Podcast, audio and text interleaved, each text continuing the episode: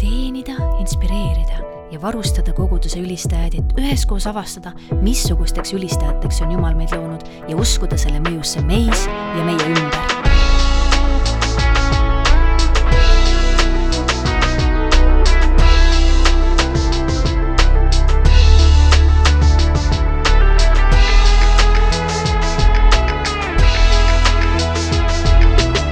inspireeriv ülistus. Olete kuulamas saadet Inspireeriv ülistus. minu nimi on Ragne Kivimets, olen ülistusmissionär Eestis ja minuga on täna vestlemas kaks väga auväärt härrasmeest. võin ütelda nende kohta koguduse juht, võin nende kohta ütelda ülistajad. nii et mul ongi rõõm tutvustada Viljandi baptisti koguduse pastor Allan Helde ja multitalent Tarmo Sirkel. tere tulemast! tere! tervist! Te olete sama põnevil kui mina, aga ma tean, et te olete väga erinevatest kogudustest, selles mõttes te olete küll täna koos teenimas Viljandi baptisti koguduses, aga tegelikult teil on ju laiem taust kui, kui see kogudus, nii et eh, kus koguduses te veel liikmed olete olnud? oi, minu taust on väga kirju, aga ütleme nii, et minu kristlase tee algas Tartu Kolgata kogudusest siis vahepeal sai teenitud kaasa Saalemi kogudusest ja sealt läks välja liikumine, Going-Upi liikumine, mis lõpetas Riste kogudusega. ja Riste kogudusest siis läkitati mind Viljandisse ja täna ma siin olen. mina sündisin pastori peres Pärnu Metodisti koguduse keskel, sealt kolisime Kohilasse, usule tulin Kohila baptisti koguduses, siis sai mõnda aega juhitud Kurtna väikest tööpunkti, sealt edasi Rapla vabakogudusse, siis Rapla vabakogudusest tagasi Kohila kogudusse ja Kohilast siis nüüd jõudsin Viljandisse. ja just sellepärast ma arvangi, et tänane teema on just eriti põnev arutada teiega, kuna teil see selline laiem taust on olemas ja meie tänaseks teemaks on siis liturgia ja spontaansus koguduses. mis see liturgia üldse on? alustaks sellega. mis ta on?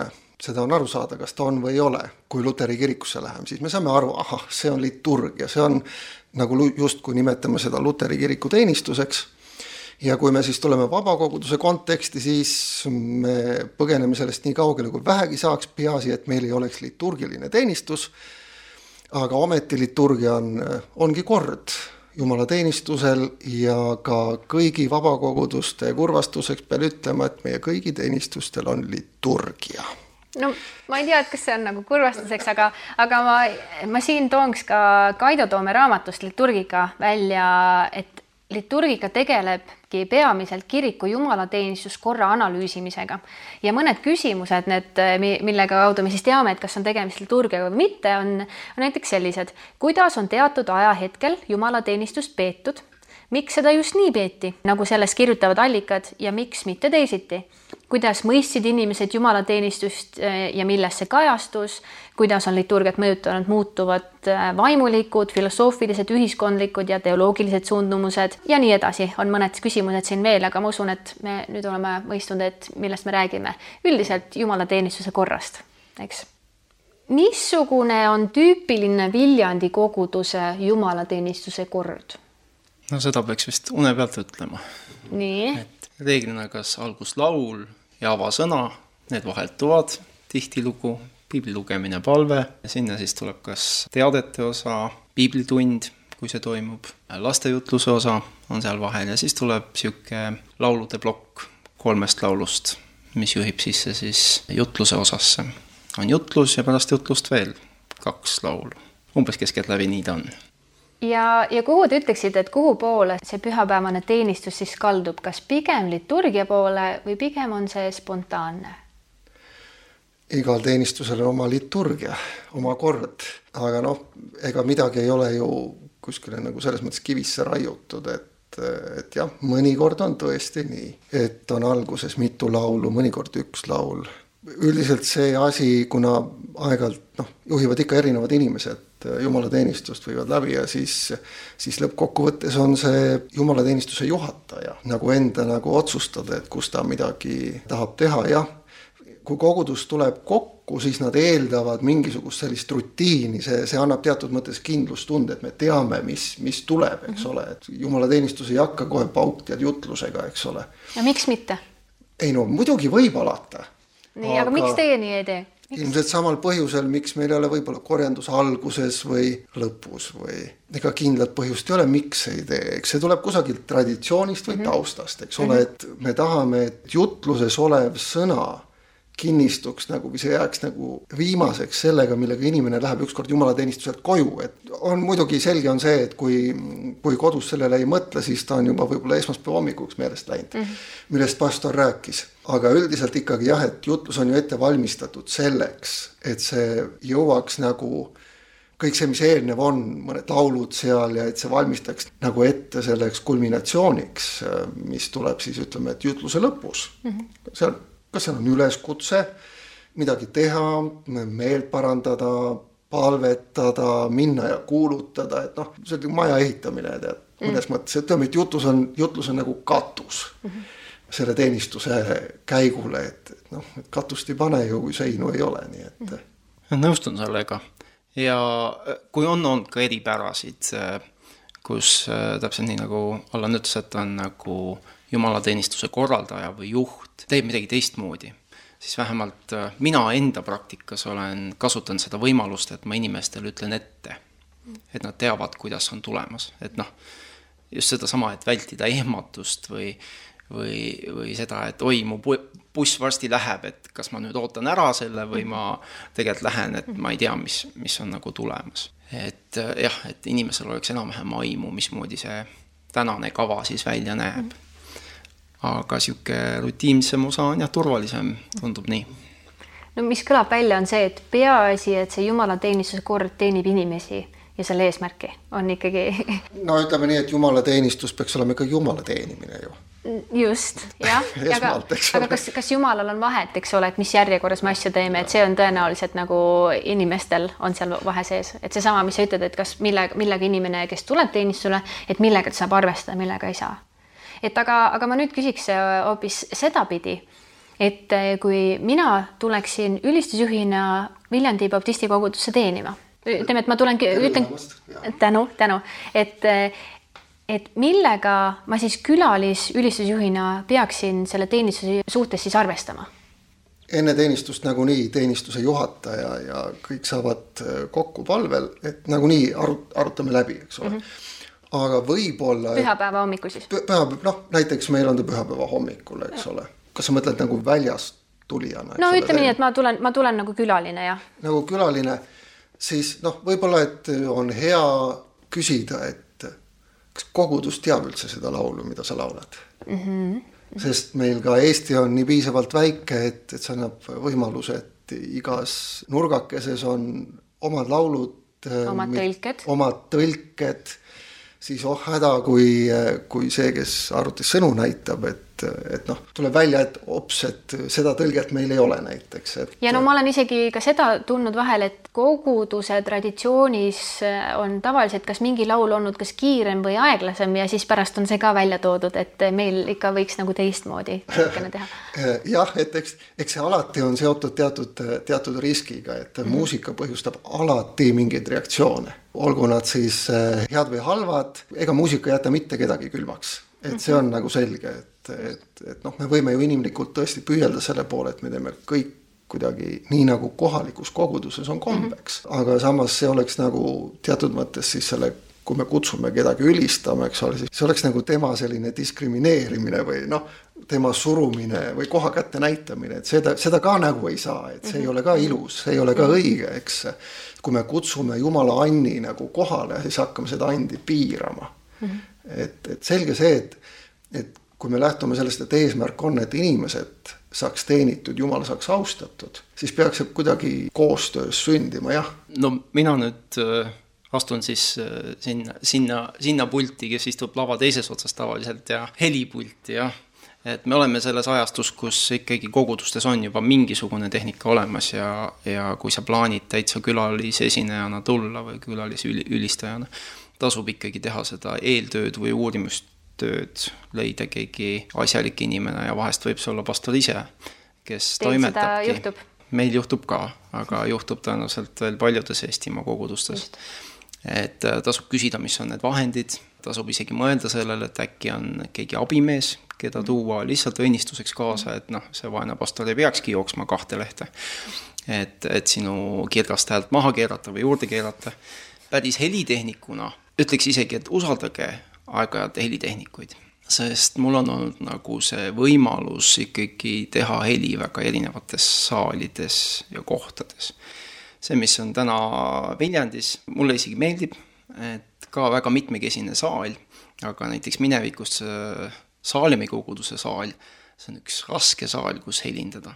ja kui helitehnik ikkagi ütleb, et tead, sinu koosseis on hea akustiliselt, siis usalda, et see on hea akustiliselt sest ülevõimendamine noh, viib karjudes rahva uksest välja. nii et äh, need on kindlasti asjad ja need võivad võtta isegi vahest rohkem aega, kui seesama, kas sõnad on ühesugused või ei ole, et kui sind pole kuulda või sa oled meeletult kriiskav, siis inimesel on ikkagi keeruline ka kaasa ülistada mm. -hmm. aga nüüd tagasi tulla selle liturgika või spontaansuse juurde korralduse poole peal, et selles suunas, et kas äh, ülistusjuht külalisena peaks millegagi arvestama, et, et kas te annate ette, et ongi nagu kolm laulu või neli või viis või kuigi pühapäeva hommikul räägiksime, siis me hommikul veel nagu lahti, et mis, mis kavas on ootamas. et aga kas siis on eeldada, et nii nagu kavas on, tulebki või on seal ruumi selliseks teistmoodi tegemiseks ka? Ma ei pane kunagi tavaliselt kava paberile kirja, välja arvatud näiteks, kui on näiteks aastapäeva koosolek või siis tõesti, kui on mingid suuremad koosseisud, kes vajavad logistiliselt juba liikumist, siis on vaja kirja panna, et koorid näiteks, et mm -hmm koorijuht saab kava, ta teab, ahah, et seal nagu väga palju sellist mängimisruumi ei ole, kui me räägime tavapärasest sellisest pühapäevasest teenistusest, kus ütleme, et ongi näiteks ülistustiim on kohal mm, -hmm. siis sellisel puhul ma tavaliselt küll nüüd ma sirgeldan võib-olla hommikul tead niimoodi noh, ma ju tean üldiselt, kuidas meil teenistus käib, et noh mm, -hmm. ma ei pea kogu aeg ennast kordama, et, et nüüd tuleb alguspalve, siis sõna mm -hmm. ja siis mhm. piiblitund ja, aga loomulikult ega ükski pühapäev päris ühesugune ei ole ja noh, ütleme, et mis meil on nagu, vähemalt mina ütleme, et jutlust, kui ma lähen jutlustama, eks ole, või ma olen koosoleku juhataja, siis mul on ülistusjuhiga ikkagi üsna regulaarne selline silmside, et, et ma tean, et mis tema mõtleb ja ta teab, mis mina mõtlen, mhm. et, et noh, et ei ole ülistusjuht niimoodi, et silmad kinni on kusagil seitsmendas taevas ja mine või sikuta ära, tead, eks ole ei tule alla. et jah, et, et selles mõttes on hea küll, kui ülistusjuht ikka ülistab nii, et tal on silmad lahti, ta saab aru, mis ta ümber toimub.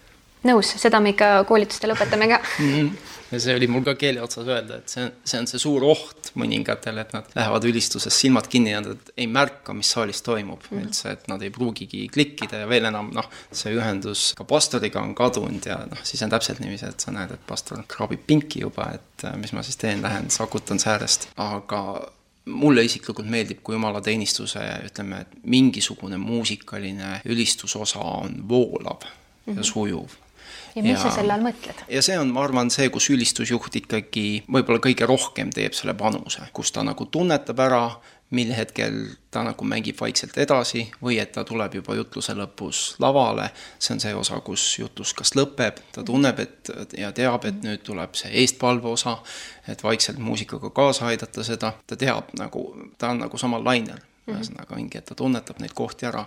ja voolavuses ka nagu see, et me ei ole nagu rokk-kontserdil, üks laul tuleb ja lõpeb ära ja siis seal käib mingi hull sagimine ja pillide vahetamine ja siis see on niisugune väga imelik ja koomiline mm. -hmm. et pigem see on ikkagi see koht, kus noh, ongi, sa aitad inimeste südameid avada ja see voolavus, ükskõik, kas sinna vahele tuleb palve või keegi mängib sealt äh, nagu instrumente edasi ja see noh, see ongi see, mida ülistusjuht ka teeb mm. -hmm. Et ta näitab, kes, kes mille eest nagu vastutab tema selles ülistusmeeskonnas. Ja see lähebki sujuvalt mm -hmm. ja see jõuab jutluseni välja, see jõuab sõnumini, see jõuab selle kulminatsioonini välja.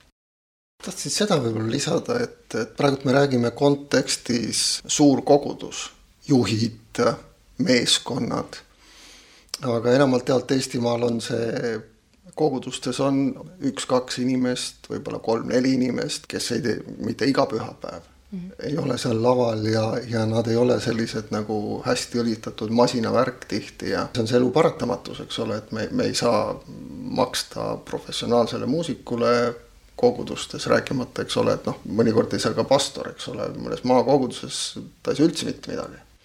aga ütleme, et kui me tuleme Viljandi juurde, siis ega meil ka ei ole kaks pühapäeva üks koosseis järjest. ja kui me räägime nüüd ülistusjuhist kui persoonist ehk kui Annist, siis neid on ju veel vähem. ja kui, kui seda Anniga juhti kohal ei ole, siis meil on kohal ainult muusikud, kes nagu teevad seda, mida nad teevad väga hästi aga sa saad aru, et seal ei ole seda juhi andi või juhi võidmist, eks ole. ja, ja tihtilugu ongi nii, et tänu jumalale, meil on Viljandis on niimoodi, et meil on vist neljal pühapäeval on neljad erinevad muusikud nagu laval see on väga suur õnnistus. see on nagu väga suur õnnistus, eks ole, aga kui me räägime siin sellest, et noh, et kas on arenguruumi, loomulikult on arenguruumi, eks ole. me teemegi kõik nii, nagu me parasjagu oskame, parasjagu suudame, aga nüüd tihti oleme ka need müüripraos, et et no ei ole võtta iga, noh, me ei saa panna seda inimest neli pühapäeva või kolm pühapäeva või isegi kaks pühapäeva järjest, see, kellel on and, eks ole mm. -hmm. sest reeglina see and on, noh, andekad inimesed, nad on hõivatud. Et jah, nii palju siis sellest juhtimisest ja eks see põhjustab ka teatud mõttes seda, et noh, et ei teki seda voolavust tihti, et -hmm. noh, ongi niimoodi me võime liturgikast või jumalateenistuse korrast lihtsamas keeles, eh, võime rääkida ka noorteõhtust, võime rääkida ka palveõhtutest, võime rääkida kodugrupi läbiviimisest, noh, sõltub, eks ole, kuidas seda tehakse. et eh, mis te arvate, et missugune on nendest kõige spontaansem koguduse kogunemine?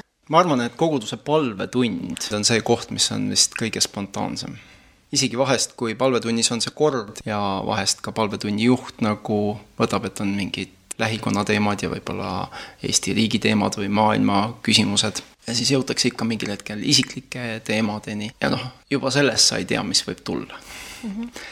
ja siis, äh, siis minu arust jah, palvetund on üks spontaansemaid mõned ajad tagasi oli meil siin ükstee noortekad olid ja siis mulle tundus, tähendab, see oli siis see, kus erinevate koguduste noored tulid korra kuus ühisele noorteõhtule.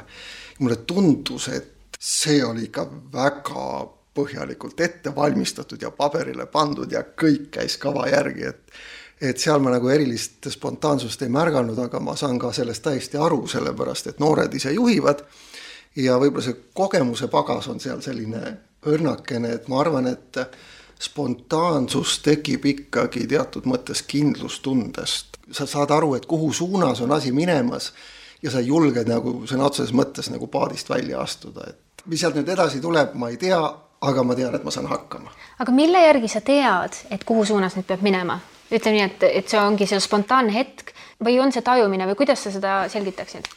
mulle tundub, et me tihti kasutame seda väljendit Jumal ütles natuke liiga vabalt. pigem on see, nimetame seda võib-olla siis pühavaimu juhtimiseks, mingisuguseks teadmiseks, tunnetuseks ma olen märganud, et mõnikord ma teen otsuse hiljem järgi vaadates oma, ma ei ütle sisetunne, aga ma ütlen oma enesetunde pealt isegi mm. -hmm. kui ma tunnen, et ma olen väsinud. Ja see on nüüd see koht, kus tihti ka juhtuvad sellised halvas mõttes spontaansed otsused. räägi lähemalt sellest sa oled nagu psühholoog, ma saan aru, et su õde on psühholoog, aga sa ei pea sellepärast nüüd tema rolli üle võtma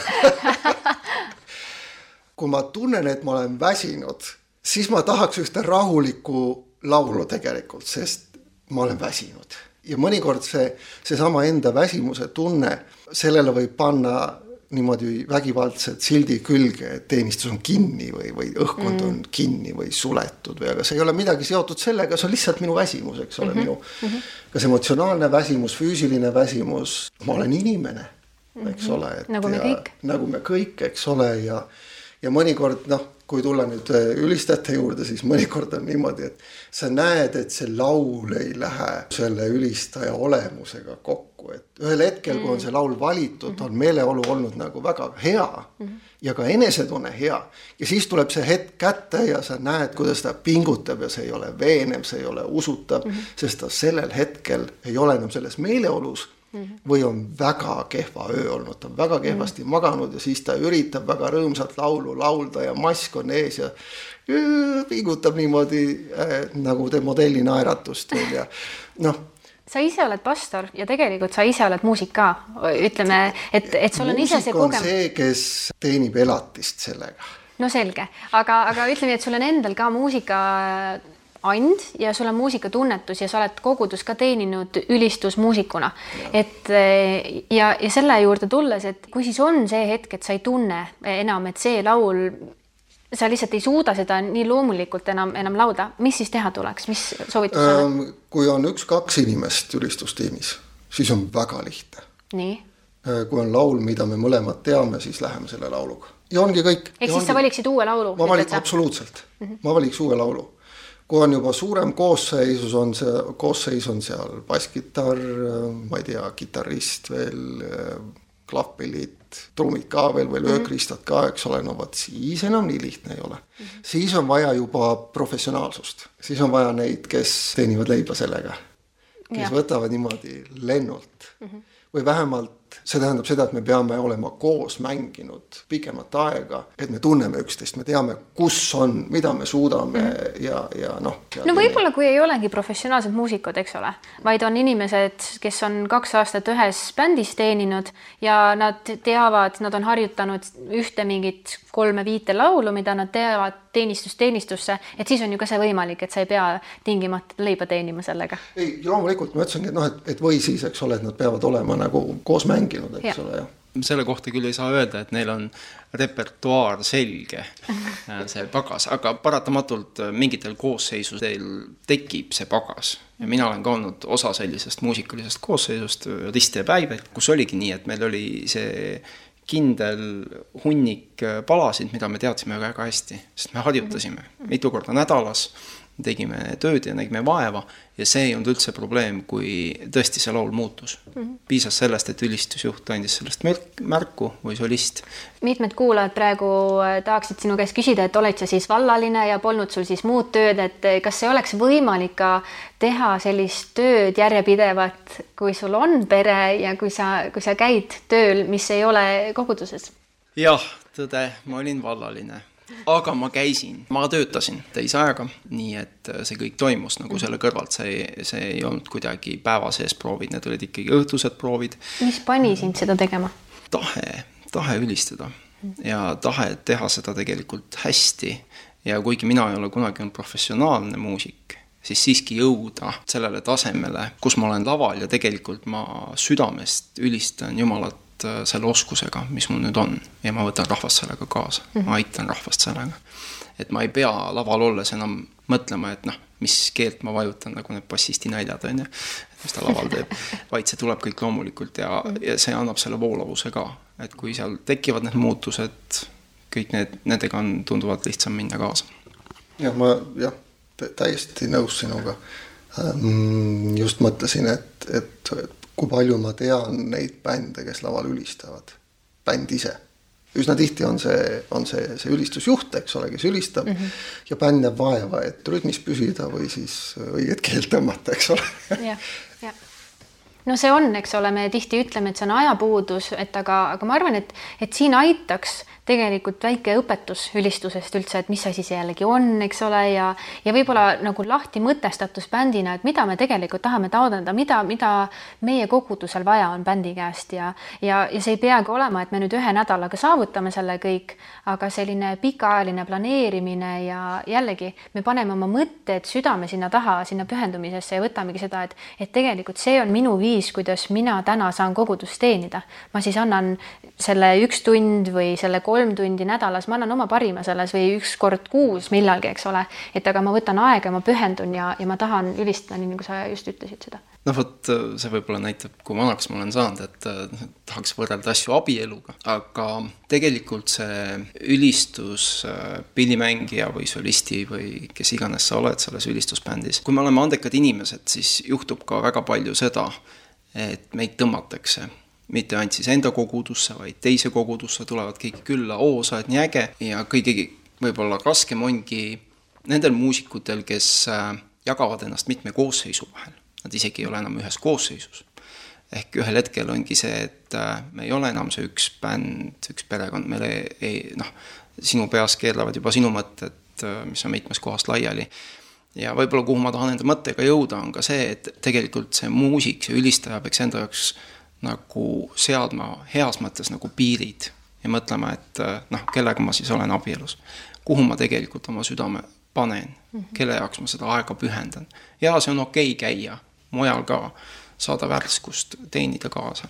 aga kui see saab ühel hetkel eluvormiks, noh, siis on ka juba see identiteedikriis mm. -hmm et kus ma olen ja kas ma siis tegelikult südamega seda teen ja kas tegelikult see koosseis, kellega koos teed, kas, kas nemad saavad ka täpselt samamoodi olla sinuga ühes paadis. ja ma saan siin veel kinnitust, et me võiksime rääkida teiega igasugustest ülistusvaldkonna teemadest, et aga nüüd kindlasti minnes liturgia spontaansuse juurde, me koolitustel räägime ka, et meil on kaks ekstreemi on need inimesed, kes ainult harjutavad kogu aeg, eks ole, ja, ja panevad ikkagi, et need ikka sõrmed liiguksid seal, kus peab ja need, need käigud tuleksid välja, eks ole.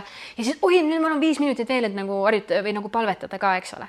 ja siis on teine ekstreem, et eh, ma neid olen muidugi vähem kohanud, aga need, see ekstreem, et ainult palvetame ja palvetame ja siis korra noh, vaatame, mis seal kohapeal, et, et kuidas siis asjad toimivad, aga noh, sellel on kaks ohtu üks on see, et kui me ainult palvetame ja palvetame, eks ole, siis me segame kogudust, sest kui need valed noodid tulevad sinna, eks ole, et kelle peale siis äh, rahvas mõtleb, kas sinu peale või, või Jumala peale, kas nende valede nootide peale, mis tõmbavad tähelepanu või, või sellele tegelikult, mis sõnad seal üldse on mängime vales tempos või, või ajame sõnu sassi, eks ole.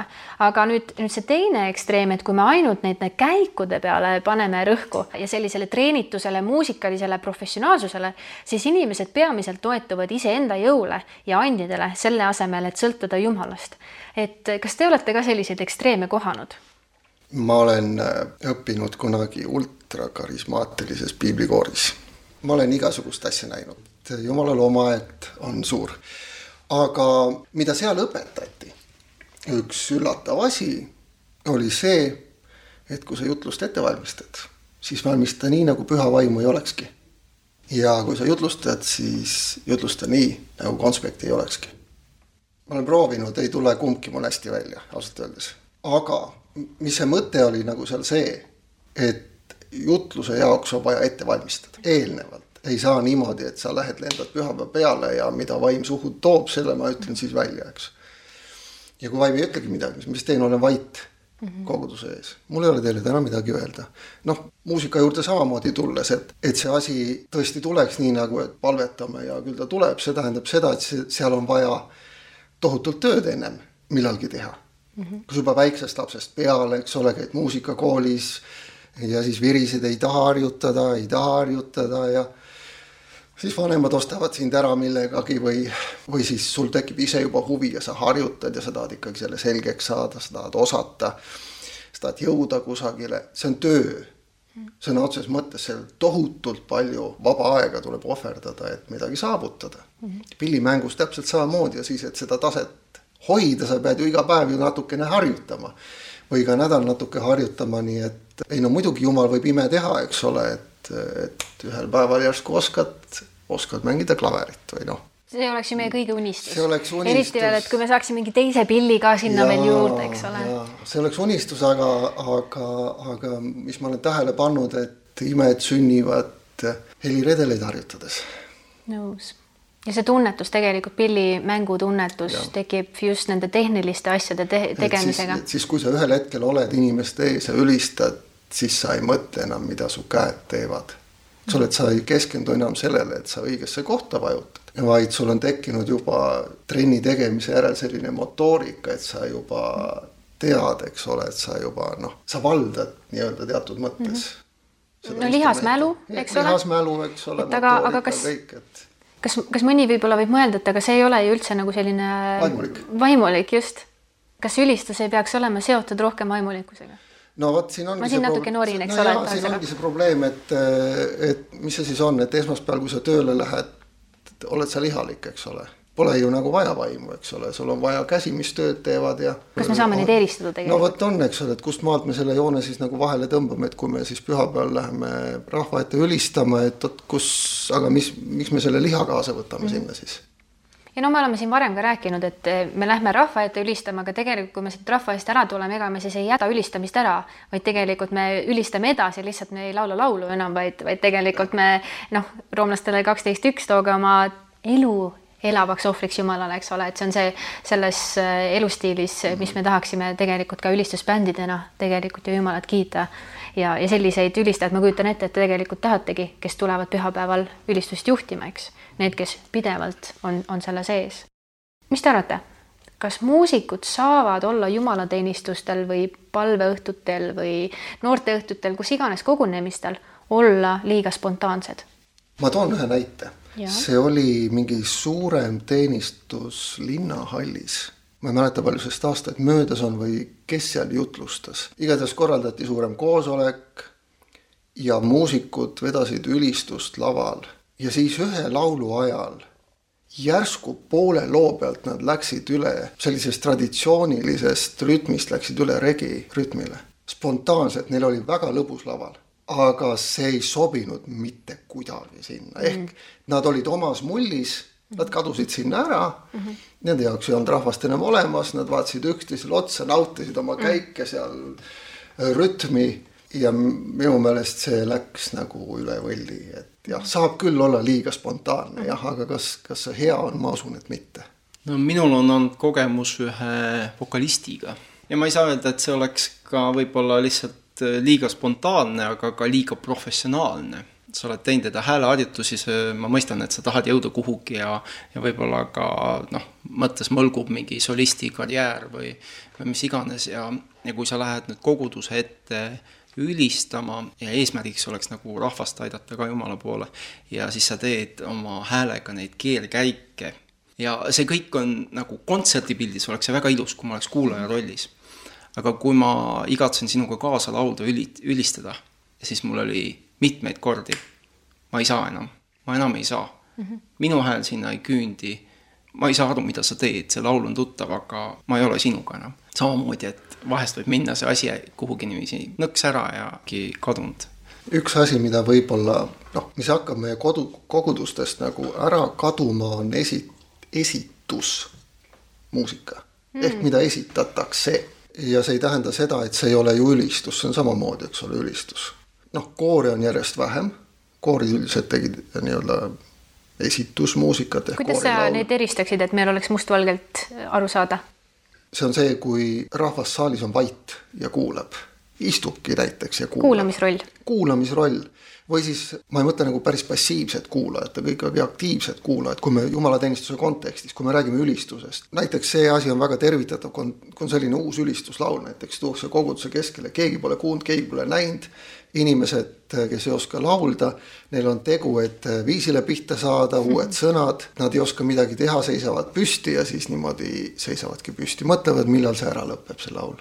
ja võib-olla see laul ei meeldi ka eks ole, seal on see järgmine teema, et noh, muusika maitse on erinev, et just see võib-olla oleks noh, ma kutsuks üles muusikuid, kui ongi sellised uuemad lood, ongi paluda rahval istuda ja, ja kasvõi silmad kinni panna ja, ja, ja kuulata mm. -hmm. sest äh, ma pean tunnistama, et üsna mitmed ülistuslood, uued ülistuslood näiteks, sobivadki rohkem kuulamiseks kui kaasalaulmiseks, sest nad on kas sellises helistikus mis kas on äh, tavalaulja jaoks on ähm, nii-öelda koguduse lihtliikme jaoks on kas liiga kõrged või liiga madalad. no kui me korra puudutame seda lauluvaliku teemat, et siis noh, kui me vaatame mõningaid laule, mis on vaimulike laulude laulikus ja samamoodi uue aja laule, mis on just loodud viimaste aastate jooksul, siis tegelikult see laulude helistiku kõrgus ja kuhu nad madalasse lähevad, tegelikult me leiame ju mõlemad sealt, et kas sa, kas sa puudutad mõlemat või see puudutab mõlemat, sellepärast et äh,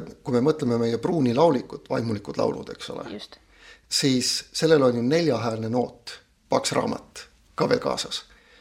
ja need on tehtud justkui kooriseade jaoks, kus on sopranid, aldid, tenorid, bassid ja ma arvan, et üks on põhjus ka see, miks nad on nii kõrged. näiteks kui mina pean äh, valima pruunilaululiku laulu, siis ma ei vaata kunagi seda helistikku, millest on kirjutatud, see on reeglina koguduse jaoks liiga kõrge ja ma võtangi ta sobivas helistikus koguduse jaoks. jah ja, ja teaduslikult on tõestatud ka, et inimeste lauluhääle ulatus on tegelikult madalamale aina aastate jooksul läinud. ja see läheb, ma näen, et see läheb madalamale, sellepärast et kui koorid kaovad kogudusest ära, need sopranid vajuvad ka ära allapoole. just, just nii on ja see muusika, mida me kuulame igapäevaselt, see mõjutab meid, eks ole, ja ja, ja kõike. aga Bob Kauflin ütleb, et hea ettevalmistus ei asenda sõltumist püha vaimust kuidas teie seda näete, et mis on teie ootused sellisele ettevalmistusele, eriti mõeldes siis ülistusmuusika bändi peale või, või klaverisaatja või koori, koori peale? kas teil on ootus, et midagi juhtub teenistusel läbi, läbi ülistusmuusika või eh, mis, mis te tahate näha ülistusmuusika kaudu eh, juhtuvat? No Allan tegelikult põgusalt puudutas seda osa, et äh, see on see harjutamine, kui sul tekib see motoorika, sa ei mõtle ühel hetkel enam, kuhu sa oma käsi paned, see lugu on sulle selge. Ja tegelikult mulle pillimehena meeldib ka, kui ma ei pea nagu mõtlema äh, nendele käikudele, vaid tegelikult ma olen äh, solistiga või rahvaga samas paadis, ma igatsen kaasa laulda, ma igatsen käsi tõsta, kui selleks on see võimalus, see õige koht ja, ja tegelikult äh, noh, ollagi Jumala ees ja kiita teda mm. -hmm. ja ma usun, et niisuguses äh, bändi kontekstis äh, ka püha vaimu juhtimist on seal, et kas me läheme uuesti refräänidesse või salmidesse või seda tunnetuse osa on ka rohkem, sest sa ei olegi tehniliselt kinni, mis noodis ma nüüd olin või oot, et ära nüüd ometigi vaheta, ma ei tea, kuhu sa lähed ja kas ma saan sinuga kaasa tulla. sellest nagu tulebki nagu ka see vabadus. muusikas sa saad nagu liigelda kui oluline on selline vabadus teie jaoks ülistusbändi puhul? mina mäletan, Allan äh, ühel kõrgema usuteadusliku seminari avamisel ja jumalateenistusel, mis siin toimus, äh, oli, oli siis meie bänd oli tegemas, äh, juhtimas ülistust ja, ja siis ühel hetkel sa hüppasid lavale, et nüüd meil on sünnipäeval lugu. Aga meil oli, et mis sünnipäevalugu, et meie ei olnud varem nagu koos sellist asja sünnipäevalugu teinud ja ma mäletan, et, et sina tulid ja andsid need välja ka sa olid valmis, sa oli, kirjutasid meile akordid, et mida me teeme täpselt ja tegelikult sina vedasid meid siis eest. tulid hoopis, hüppasid spontaanselt lavale, onju. et äh, kui oluline sa näed, et ülistuses selline spontaansus valmis, et pastor tuleb ja hüppab lavale, ütleb, et me teeme nüüd kas seda lugu või? noh, kuidas nüüd võtta, seda kõike oleks saanud ju paremini ette valmistada, eks ole. no aga päris tore oli, mina ütlen, et see oli minu jaoks nagu hea kogemus ja,. jah, jah. ma ütlen omalt poolt, et äh, ma arvan, et äh, muusikakoosseisul peaks olema see valmisolek olemas.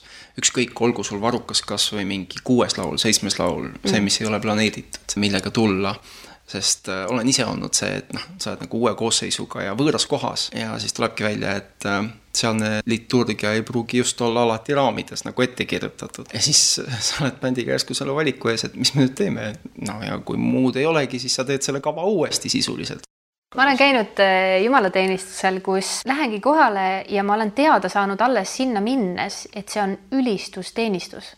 mis tähendab seda, et sa lähed kohale, sa arvad, et äh, on vaja neli-viis laulu. oled nagu läbi rääkinud ka juba selle ja sa oled mitmes korra, kord oled juba külalisena ka selles koguduses käinud, eks ole. ja siis tuleb välja, et on ülistusteenistus ja saad aru, et viie laulu asemel tuleb nüüd võib-olla kaheksa, võib-olla rohkemgi laule. mis minu jaoks on nagu see pidepunkt, on see, et, et mul on enda andmebaas pidevalt kogu aeg kaasas, mitte ainult üks. üks asi on see, mis mu peas on, aga teine on see, et, et mul on äh, oma äh, vahendid, mida ma kasutan ja mille, mille tõttu ma olen ka valmis äh, sisse hüppama kuskile, kus on, kus on selline spontaanne. kui tuleb jälle pastor lavale ja ütleb, et, et kas siia saaks veel ühe laulu teha või, või kuidas iganes. et, et see on üks nendest asjadest, mis, mis ma küll soovitan soovitaksin kuulajale ka, et ära ole ainult valmis selleks neljaks-viieks, eks ole, ja, ja selle tõttu aitab väga, kui meil on äh, selline pidev, pidev ülistusbänd, kellega me koos teeme, et äh, sama nagu sa, Allan, oled juba natuke aega tagasi ütelnud ka, et sul on oma repertuaar nii-öelda, milles sa tunned ennast kinni, et sa oledki valmis sellega nagu sisse hüppama. mis äh, selliseid tarkusesõnu te veel ütlete nendele ülistusbändidele, et kuidas harjutada siis seda spontaansust või valmisolekut, et äkki ei olegi täpselt nii, nagu me oleme planeerinud? Üks asi, mis ma mõtlesin ja sinu jutu peale lihtsalt tuli, et kuigi võib-olla iga pillimees ei ole hea laulumees või teise pillimängija, siis ma usun, et me oleme kõik kristlased ja me loeme Jumala sõna. ja hea on nagu kaasa võtta mingeid kirjakohti. ja vahest ongi see, et kui sellest kordubki välja, et on ülistusteenistus, võib-olla täna oli mingi asi, mida Jumal kõnetas või hoia see piibel lähedal sest äh, tegelikult ka välja öeldud psalmid, laulud, õpetussõnad, kirjakohad isegi palved ülistuse sees aitavad olla spontaansemad ja tegelikult edasi viia ja see on ka see hetk, kus võib-olla sinu bänd selja taga saab kokku leppida, et kuhu me nüüd edasi lähme. et see on see hingetõmbepaus. aga see on ülesehitav nii sulle kui tegelikult kuulajale. võib-olla siis ka see, et ei tasu tulla alati niimoodi, et on miinimumprogramm. et ikka kaks pluss kaks laulu, aga noh, jällegi, eks ole, et kui, kui bändil järsku lava peal tekib või ülistusmeeskonnal tekib lava peal selline, et inspiratsioon, et oh nüüd ja kui see info ei jõua mitte kuidagi sinna, kus on sõnad. Ma olen näinud, et siiamaani ka paljudes kogudustes näidatakse, tehakse igaks pühapäevaks eraldi PowerPointi esitlus, eks ole mm -hmm.. noh, sealt sa ei leiuta mitte midagi kiiresti välja, eks, et kui sul on, saadad ka sõnad ette ära, aga, aga kui seal ongi mm -hmm. miinimumprogramm, siis tähendab, sul ei ole lootustki, et sa saad rahva kaasa laulma või siis tõesti jällegi, kui sa lähed võõrasse kohta, sa pead teadma nende repertuaari, mis laul on see, mida nemad laulavad mm. -hmm no minu kogemuses on see, et kui spontaanselt võtta mingi laul ja ma tahan, et kogudus kaasa laulab ja ma tõesti tunnetan, et see on nagu see koht, eks ole, siis see on selline rahvahümn. kas ta on siis kuskil üheksateist sajandi hümn või ta on kahekümne sajandi või kahekümne esimese sajandi hümn, aga ma tean, et see on, see on see laul, mida rahvas vähemalt viisi poolest laulab. ja ma olen ka seda trikki teinud, et ma võib-olla, noh, mis trikk, eks ole, et ma tean seda laulu, ma tean, et nemad teavad seda laulu, aga ma ei tea, mis sõnadega nemad seda laulu teavad ma laulan ühe-kaks sõna ette ja siis kogudus laulab seda edasi täpselt selles, nende sõnadega, mis nad ise tahavad laulda. või teine variant see, et kui ma tõesti arvan, et mingi laul kindlasti sobib siia, aga mul, ma ei tea, kas nad teavad seda laulu, siis ma niimoodi sõnastangi kogudusele, et see on see lugu, millega koos mõtestada, millega koos palvetada, et, et, et ei peagi kaasa laulma ja siis ei pea sõnade näitaja ei pea kuidagimoodi seal taga otsima ja küsima ja võib-olla guugeldama samal ajal, eks ole, mis see laul on. et aga mõned sellised näpunäited veel muusikutele. seesama teenistuse ülesehitusel, et me ei peaks seda ka liiga täis planeerima. et kui sul on antud kakskümmend minutit, et me ei pea olema valmis kahekümneks lauluks ja mitte ka kaheksaks lauluks, eks ole, vaid, vaid lubada sinna ruumi sisse juba ettevalmistusprotsessis ja kui te kuulate või, või neid laule, kui te harjutate neid laule üheskoos, siis juba harjutadagi spontaanseid hetki ka sinna leppige kokku mingisugused käemärgid, millega te teate üksteist lugeda, kas on nüüd refrään, tuleb kordus, kas tuleb nüüd salm, kas nüüd hoopis tehagi instrumentaalosa, lasta rahval mõelda selle peale, et aga, aga juba ettevalmistusprotsessi käigus äh, nende asjade peale mõelda, ka piiblisalme juba omavahel äh, laulda. Allan, sul on mingisugused? ja mul tuli, sa ütlesid selle instrumentaal vahepeal, vot see on üsna tihti, ma olen nagu, ma olen siiamaani natuke nõutu ausalt öeldes mõnikord need instrumentaalosad sobivad ja mõnikord on niimoodi, et nüüd ei tule see laul meelde, igatahes seal on, ma ei tea, kas kaheksa takti on vahel või rohkem peab olema, kuusteist peab olema vahel, kus on äh, kaks käiku, kaks akordi, mida vahetatakse ja rahvas, mida ta teeb, no ma saan aru, et originaalis on kirjutatud sinna see sisse mm -hmm. ja seal on võib-olla mingi instrument, mis täidab seda kuidagi. Mm, -hmm. aga see on võetud üks-ühele üle ja on kirjutatud meil ka sisse see kuusteist takti ja siis see kitarrist mängib seda, hüppab seal, eks ole, ma ei tea, C ja G vahetajad niimoodi või. Ja siis rahvas ootab, ootab, loeb takte, eks ole, no rahvas ei loe takte, mina loen takte, et et miks see vahemäng seal vahel on ja see on, see on ülioluline ja, ja ma arvan, et vahemärkusena öelda, et enamikud salvestused on tehtud kolm korda rohkem instrumentidega kui meil koguduses lava peal, eks ole. mis ma rohkem mõtlesin selle instrumenti, instrumentaalmuusikaga on see, et, et vahel, kui te laulate ja, ja mängite, harjutate, proovige refrään teha lihtsalt instrumentaaliga et kui peaks olema see hetk, et kus pastor hüppab lavale ja, ja tahab hoopis palvetada sinna vahele, kuigi see ei olnud võib-olla planeeritud, eks ole, et tal oleks see võimalus ja teie olete juba tegelikult valmis selleks, et kui on see moment vaja tekitada, et keegi ei laula, et, et instrumentalistid oskaksid siis seda, seda aega ka muusikaga täita, aga veel enam seda keskkonda tegelikult luua lihtsalt instrumentaalmuusikaga ja ütleme, et mis seda voolavust veel nagu puudutab, siis, äh, siis loomulikult on hea, kui, kui sinna ei tule mingit pausi, aga veel parem on see, kui seal ongi ette planeeritud üleminek ühelt laulult teisele, eks ole, et ei teki vaikust, et kõik korraga krabistavad nootide ja lehtedega ja eriti naljakas on siis, kui need puldi pealt, eraldi lehed puldi pealt maha kukuvad, eks ole, siis mööda põrandat neid taga aetakse ja ja noh, praegu on igasugused kenad vidinad on, ma olen proovinud ühte ja teist, need äpid näiteks, mida mm -hmm. saab kasutada, paned laulusõnad sinna sisse. tõsi, tehnikaga on ka seda juhtunud, et aku on tühi ja sisu ei ole mitte midagi. aga need on selles mõttes toredad, et kui ei sobi see helistik, siis sa saad kohe äpis teise helistiku valida ja, ja Just. kõik töötab.